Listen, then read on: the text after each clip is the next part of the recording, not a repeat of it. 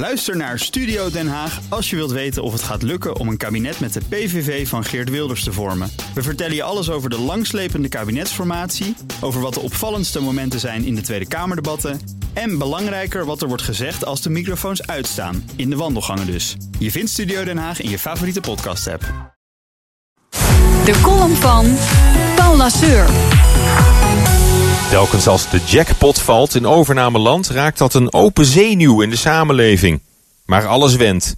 Deze week ging de absolute hoofdprijs naar NXP-topman Rick Klemmer. Wie zegt u? Rick Klemmer. Onthoud die naam. Hij is de nieuwe lijstaanvoerder van roofridders die volledig binnenliepen... met de verkoop van het bedrijf eraan zijn leiding gaven. Als een buschauffeur die de bus verkoopt. Klemmer verdient het duizelingwekkende bedrag van 391 miljoen euro aan de overname van NXP door Qualcomm. Een historische prestatie, want nooit eerder werd zo'n groot bedrag door een topman verzilverd bij de overname van een Nederlands bedrijf. De tientallen miljoenen van Jan Benning en Rijkman Groening destijds verbleken bij de honderden miljoenen die meneer Klemmer nu meekrijgt. De publieke afschuw en verontwaardiging over zo'n gigantische overnamebonus voor een topman lijkt nog net zo groot als negen jaar geleden, na de overnames van Numico en ABN AMRO. Maar ergens bespeur ik toch ook wel enige gelatenheid en machteloosheid bij de politiek en de bonden om nog iets af te dingen op een voldongen feit. Want bijna 400 miljoen euro ineens voor een gewone sterveling, dat kan toch niet? Dus wel. En niemand die er wat aan kan doen. Want het aandeel NXP heeft een notering aan de Amerikaanse Nasdaq en niet op een Europese effectenbeurs. Rick Klemmer zelf is ook een Amerikaan. Een groot deel van de bedrijfstop is buitenlands, net als de klanten. In veel opzichten is NXP daarmee al lang geen Nederlandse onderneming meer.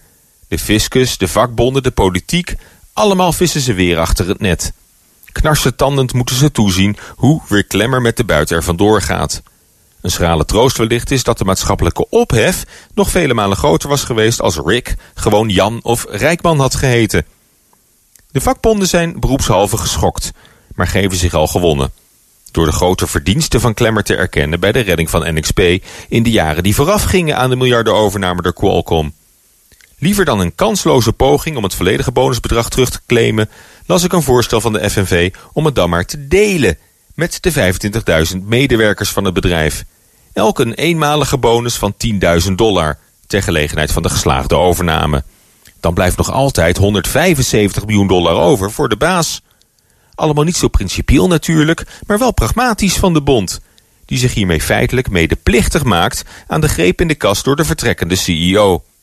Want ook een uitkering van 175 miljoen voor een topman in loondienst die je bedrijf verkoopt, is nog altijd ongehoord. Prettige maandag!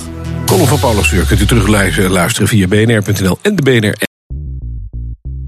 BNR ben je altijd als eerste op de hoogte van het laatste nieuws. Luister dagelijks live via internet. Bas van Werven. En heel langzaam komt de zon op rond dit tijdstip. Je krijgt inzicht in de dag die komt op BNR, het Binnenhof in Nederland en de rest van de wereld. De Ochtendspits. Voor de beste start van je werkdag. Blijf scherp en mis niets.